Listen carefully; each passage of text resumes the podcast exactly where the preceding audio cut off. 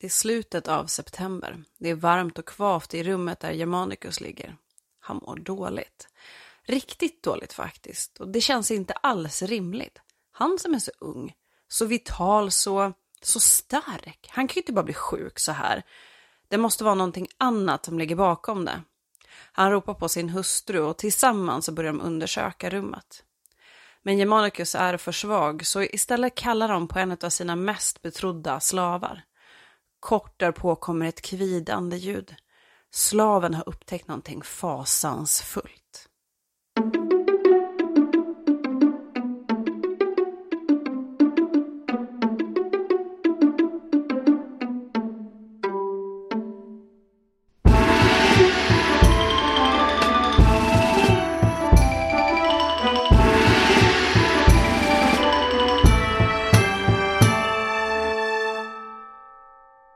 Hej och välkomna till Podius Castus, en podd om antiken och till det här minisnittet om mordet på Germanicus.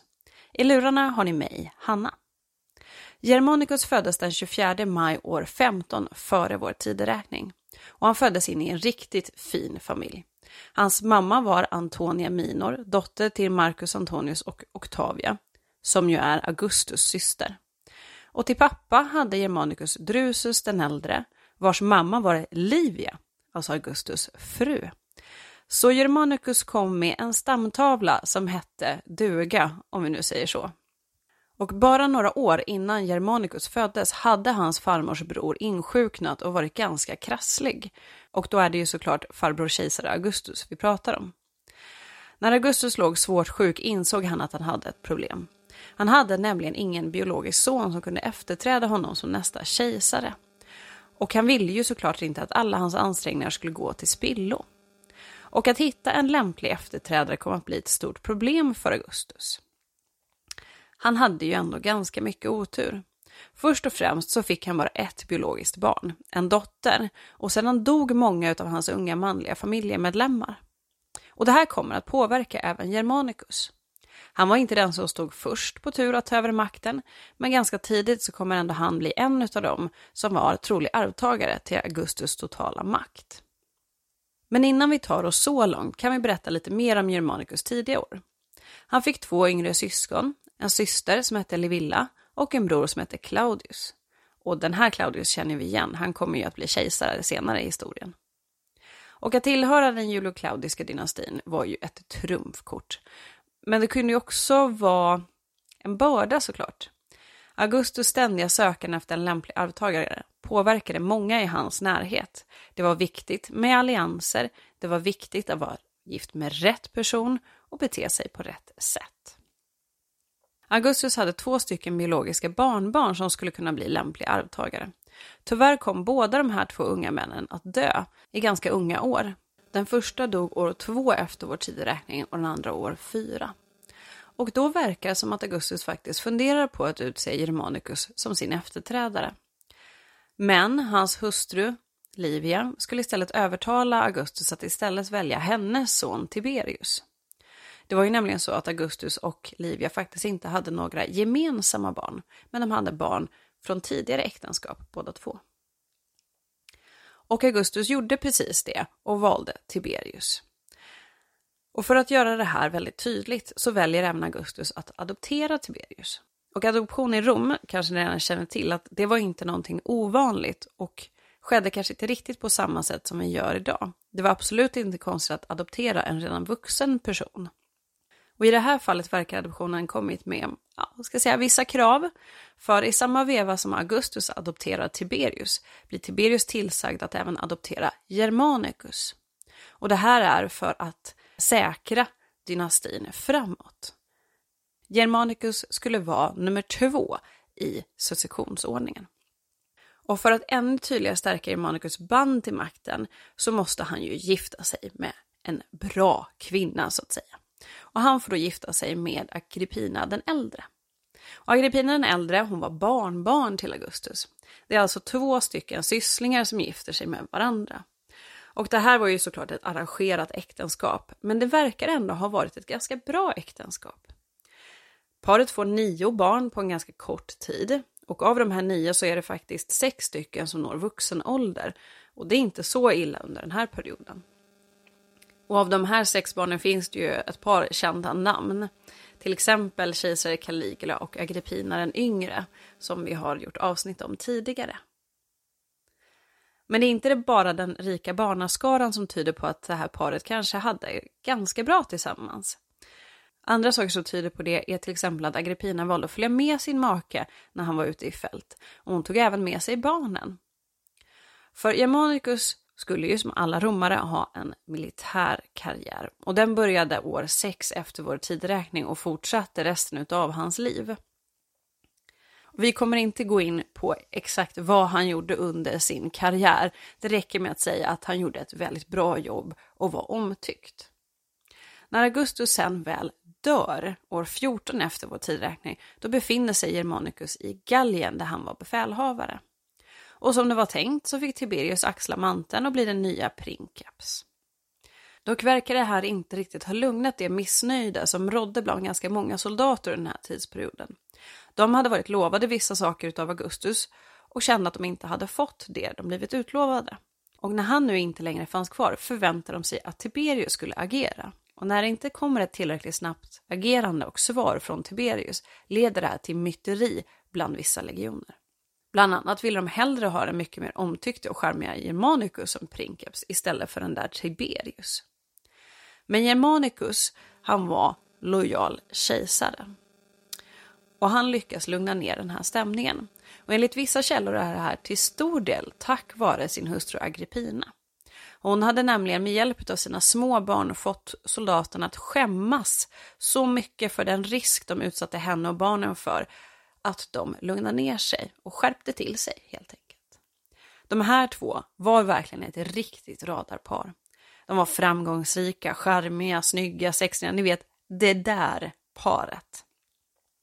Agrippina den äldre var den riktiga romerska matronan och Germanicus var den skickliga, duktiga och omtyckta fältherren. Och det var kanske inte så konstigt att ganska många hellre ville se att Germanicus skulle ta över makten istället för den där Tiberius som faktiskt inte var fullt lika populär. Men lagt kort ligger som man brukar säga och Augustus hade ju spelat ut Tiberius-kortet så det var bara att gilla läget. Germanicus han fortsätter att göra bra ifrån sig och år 17 så blir han återkallad till Rom och får då fira triumf där den 26 maj. Han hade tagit tillbaka en hel del fångar eh, Eh, som man kunde passa på att visa upp för folket. Och under den här triumfen så passar även Tiberius på att dela ut pengar till Roms folk. Det är ju brukligt ändå och det gör han i Germanicus namn. Så att det verkar vara ganska tydligt att Germanicus fortsätter vara den tilltänkta efterträdaren till makten. Germanicus karriär den fortsätter uppåt, det går bra för honom och det planeras för att han ska bli konsul året därefter tillsammans med kejsaren. Och så får han även befäl över den östra delen av riket. För i öst är det nämligen ganska stökigt under den här perioden och man känner att det behövs en fast hand och dessutom en hand med tydlig och stark koppling direkt till kejsaren. Han var ju nämligen Germanicus Caesar, den unge prinsen. Germanicus han tilldelas imperium maius, alltså extraordinär makt över andra guvernörer och fältherrar i det här området.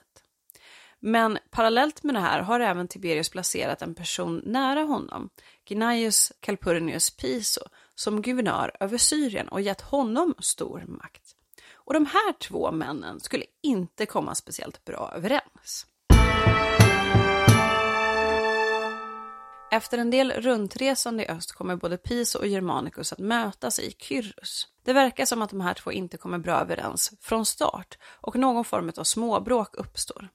Exakt vad den här konflikten består av vet vi inte riktigt. Men inte så kort efter det här så beger sig Germanicus till Egypten. Och det här ser inte så bra ut. Det kanske inte låter så konstigt att åka till Egypten, det, är väl, det kan man väl göra. Men det är nämligen så att Egypten råder lite speciella förhållanden.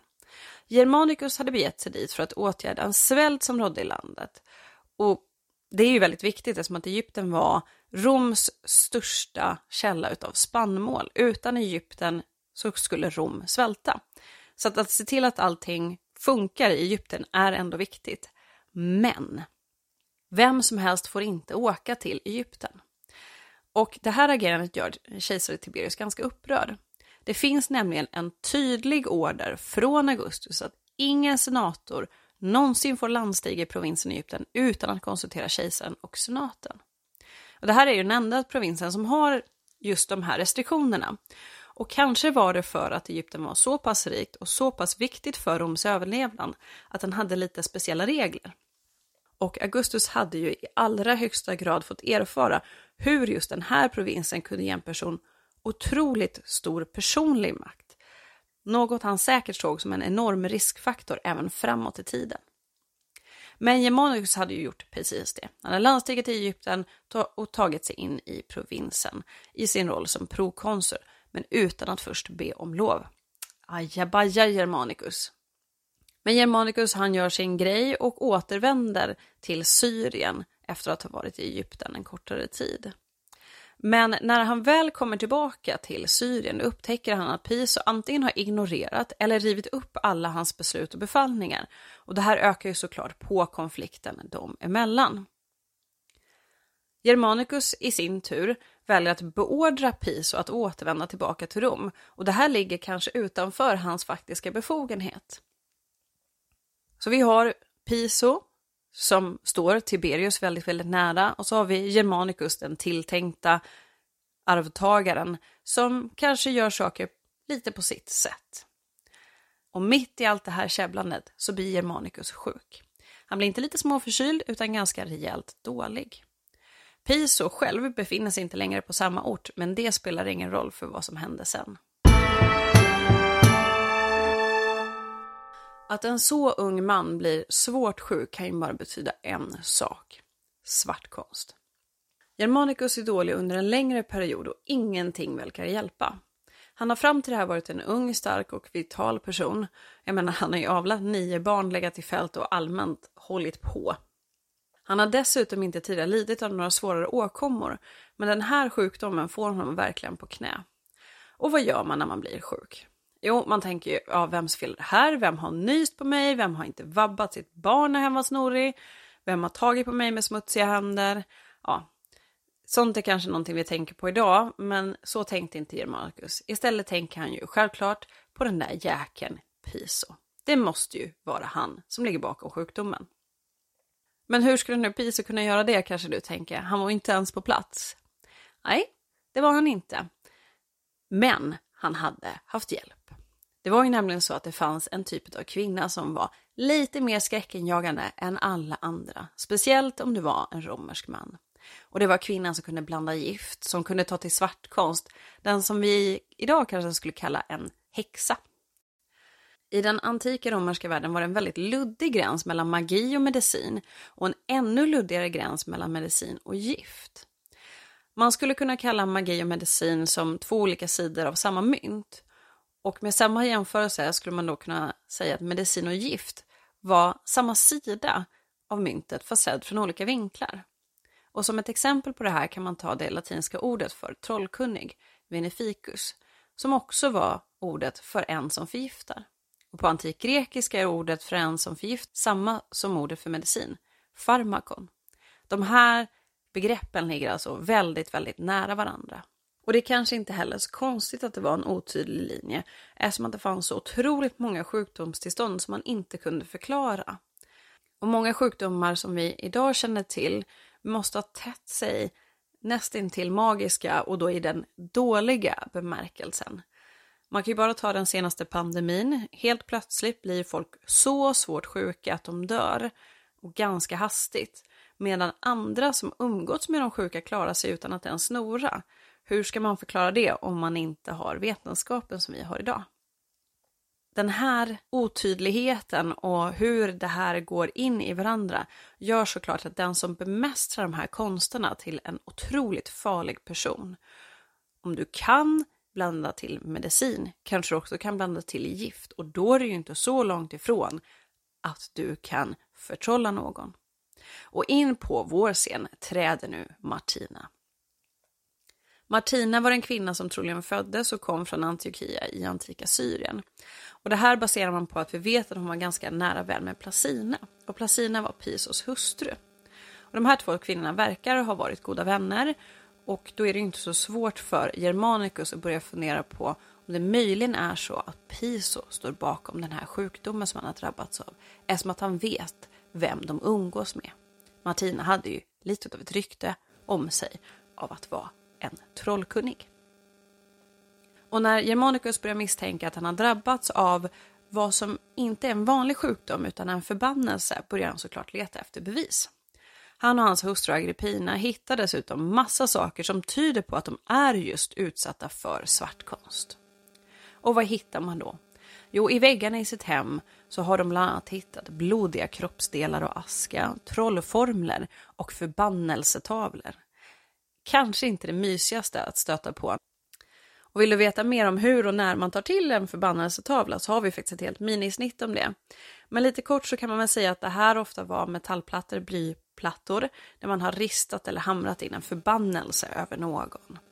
Och de här kan vara ganska, ska jag säga, vältaliga eh, med ganska tydliga och hårda förbannelser. Man kan verkligen känna den här frustrationen och hatet genom de här texterna. Och det här är ju såklart inte en mysig upptäckt att göra i sitt hem. Och en förbannelsetavla och dessutom blodiga lemmar. Man kan förstå att eh, dödsångesten kanske ökar lite hos eh, Germanicus. Och när det går upp för Germanicus att han nog är nära att gå över till andra sidan så kallar han till sig sina vänner och sin hustru och han ber dem att hämna sin död och skipa rättvisa. Och det här är någonting som bland annat Agrippina kommer ta till sig. Hon kommer inte låta den här oväntade dödsfallet gå obemärkt förbi. Och Germanicus han blir bara 33 eller 34 år gammal innan han går bort. Och han var som sagt väldigt, väldigt älskad inom det romerska riket. Och den här bortgången skapar en stor sorg. Och med stor sorg och en oförklarlig död kommer såklart ganska många rykten. Ganska snabbt så börjar det spridas rykten om att det här var ett mord. Inte minst från Agrippina och vännerna som absolut tror att det här är ett mord. För förutom kroppsdelarna och förbannelsetavlorna finns det ju faktiskt andra bevis för att det här är ett mord. Det är nämligen så att när Germanicus ska begravas så läggs hans kropp på begravningsbålet som var brukligt. Men trots de heta lågorna så förblir hans hjärta kvar helt opåverkat av elden. Och det här är ju såklart ett tydligt tecken på att det var fullpumpat med gift. Och som ni förstår är gränserna här mellan en förbannelse och gift väldigt, väldigt otydliga. Och Tacitus som skriver om just det här insinuerar att Piso och hans fru Placina och genom dem i förlängningen även kejsaren var så korrupta att de bestämde sig för att ta till någonting så skrämmande och så barbariskt och så icke-romerskt och feminint som en kvinnlig magiker, en kvinnlig förgiftare för att röja undan Germanicus. Och precis som idag är det ju väldigt svårt att greppa vad som har hänt när en ung och till synes frisk person plötsligt går bort. Och nu var det ju inte så att säga vem som helst som dog, utan en mycket uppskattad och älskad person. Det är det här heta inneparet som drabbas och då behövs en förklaring och gärna någon att skylla på. Och det hittade det romerska folket. Man hade Piso, man hade Placina och man hade Martina. Och de här blir faktiskt också formellt anklagade av några av Germanicus vänner. Piso, Placina och även Martina blir faktiskt kallade till Rom, för där ska åtal väckas. Men Martina, hon tar sig faktiskt aldrig hela vägen till rättegången, som att hon plötsligt dör på vägen till Rom. Och Tacitus skriver att det här verkar inte ha varit ett självmord, men det hittas en liten flaska gift som hon ska ha dolt i sin håruppsättning. Och Piso är alltså den som är åtalad för att vara anstiftare, om vi ska ta det i moderna termer. Man delade inte upp det så under antiken, men, men för att förstå liksom, vad, vi, vad vi rör oss med. Han är alltså den som har betalat för och beordrat Martina att döda eh, Germanicus och hans vägnar. Och nu när hon är död så anklagas han för att ha mördat henne. Men det mordet är ju inte fullt lika hemskt som att låta mörda Germanicus, så det skapar ju inte lika stor uppståndelse. Men det bygger ju på det här mytiska, det här smaskiga, spännande i den här berättelsen. Och Piso befinner sig just nu i en dålig position. Vad han gör så skvallras det om det. Men han har ju ett trumfkort. Han är ju nära vän med kejsare Tiberius. Men kejsaren inser att så som läget är måste han faktiskt formellt inleda en utredning om Germanicus plötsliga bortgång. Det var liksom för viktigt för det romerska folket för att bara låta det passera. Så Tiberius låter höra båda sidorna, men sen så överlåter han fallet till senaten. Men det är ganska tydligt var han står. Han är god vän med Piso, med Pisos familj som också är en väldigt fin familj som har varit lojala länge. Så han ger sin vän möjlighet att kalla fler vittnen och vittnen från alla samhällsklasser och att ta till orda mer och längre tid än vad åtalarsidan får göra. Men det här hjälper inte Piso så värst mycket. Han kunde liksom inte göra någonting rätt. Han anklagas bland annat för att ha försökt starta ett inbördeskrig genom det här mordet och han anklagas ju för att ha mördat med hjälp av gift och svart konst den här älskade unga Caesar. Och det här är ju ett väldigt, väldigt icke-romerskt sätt att mörda någon på. Det går ju inte alls ihop med den romerska manliga självbilden. Och talen från den här rättegången finns ju beskrivna av Tacitus. Och även om de är ganska målande, så det här är definitivt inte den mest imponerande argumentationen från romerska rättsfall. Och idag skulle vi nog, ja, man skulle nog avskriva det här ganska, ganska snabbt. Den så kallade åklagarsidan argumenterar bland annat för att Piso ska ha låtit förgifta Germanicus på en fest genom att hälla gift i Germanicus mat mitt framför ögonen på honom själv och en mängd andra middagsgäster. Till och med Tacitus tycker att det här, den här argumentationen håller inte riktigt. Dessutom så nämns inte det här med kroppsdelar och förbannelsetavlor. Det är alltså väldigt lätt att gå från gift till svartkonst och fram och tillbaka. Men åklagarsidan behöver faktiskt inte argumentera speciellt bra. Det romerska folket och senaten var väldigt villiga att hitta en skyldig person och Piso passar så otroligt bra in i den här rollen. Han var liksom dömd på förhand. Det blir sån tumult utanför när det romerska folket bland annat försöker välta Pisos statyer och det krävs att man skickar ut soldaterna för att hålla folk i schack. Men Piso han försöker ju bevisa sin oskuld och till exempel så erbjuder han att skicka in alla de han äger, alltså alla hans slavar och att de ska torteras för att på så sätt visa att han är oskyldig. Och det här låter ju inte som den mysigaste av människor, men det hade nog faktiskt inte spelat någon roll. Det är helt enkelt kört för honom. Men det går faktiskt inte riktigt lika illa för hans hustru. För en gångs skull så går det faktiskt bättre för kvinnan än för mannen i det här fallet. Det är nämligen så att Placina hade faktiskt också en riktigt god vän som hon kunde vända sig till. Och det var Livia, Augustus änka och tillika Tiberius mamma. Och tack vare den här vänskapen så får faktiskt Livia sin vän benådad och avskriven från det här rättsfallet. Och det här är nog kanske sista droppen för Piso. Han inser att det är kört och då tar han saken i egna händer. Så när han väl är hemma så väljer han att ta sitt eget liv. Och det här blir ju en död som är så att säga värdig en romare. Han ansåg att det var bättre att ta sitt eget liv än att bli dömd som en förrädare och som en mördare. Och en mördare som dessutom har mördat på ett så feminint och fegt sätt som genom svartkonst. Och det här är Roms stora sommarmord, om man får kalla det så. Alltså det här som alla pratar om, som alla skriver om, som alla har teorier om. För det slutar ju inte med att Piso dör. Efter att han har tagit sitt eget liv så börjar andra rykten florera. Och då säger man att det egentligen är Tiberius som har låtit mörda Piso. Ryktena säger att Tiberius skulle ha blivit rädd för att i ett sista försök att ta sig ur den här knipan så skulle Piso kunna gå upp och vittna och presentera ett brev som Tiberius har skrivit där han befaller Piso att låta mörda Germanicus. Alltså en konspirationsteori värdig en såpopera. Det här var helt enkelt en alldeles för smaskig historia för att låta den dö. Men frågan är, skipades verkligen rättvisa den här gången? Vi har anstiftaren och vi har utföraren, Piso och Martina, är ju vid det här laget redan döda. Men frågan om det egentligen var ett mord. Och att försöka lista ut vad antika människor dog av har alltid varit och kommer alltid vara otroligt svårt, till och med omöjligt i väldigt, väldigt många fall. Och att försöka klara upp över 2000-åriga mordgåtor är inte heller så troligt. Men såklart finns det ganska många forskare som tänker försöka. Och det har skrivits artiklar och texter om vad det kan ha varit som egentligen dödade Germanicus. Och de flesta idag är ju överens om att det antagligen inte var en förbannelsetavla som var ditplacerad av Martina som orsakade en svår sjukdom och en plågsam död. Istället så har man tittat på beskrivningar av de symptom som Germanicus sägs ha drabbats av, så har man försökt matcha det mot sjukdomar. Till exempel sjukdomar som malaria och pest har föreslagits.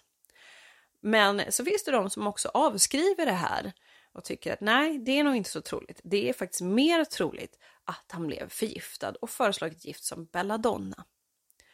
Men det är ändå värt att komma ihåg att det här är under en tid där många sjukdomar var okända och även om de var kända var de otroligt svåra att behandla. Och vissa saker som idag är kanske ganska lätta att klara sig ur var dödliga då. Jag kan till exempel nämna saker som diarré. Sen har vi såklart svår, riktigt svåra sjukdomar som sepsis som vi idag faktiskt ofta kan behandla men som då absolut var dödliga och kunde komma ganska plötsligt. Och det var ju inte så långt innan Germanicus blev sjuk som han faktiskt hade varit och rest i Egypten och där kan han absolut ha dragit på sig en sjukdom eller två eller fler. Men det blir ju inte en lika smaskig historia. Det här var allt från mordgåtan om Germanicus. Ni får själva avgöra om ni tror att han blev mördad med svartkonst, gift eller att han faktiskt bara dog utav en tråkig vanlig sjukdom. Du har lyssnat på Podius Castus och mig, Hanna. Vill ni komma i kontakt med oss så finns vi på Facebook och Instagram och man kan också mejla till oss på podiuscastus.gmail.com. Vi älskar att höra från våra lyssnare så att skriv gärna om du har några frågor, funderingar eller någonting annat ni bara vill prata om. Och med det säger jag tack för idag och på återhörande.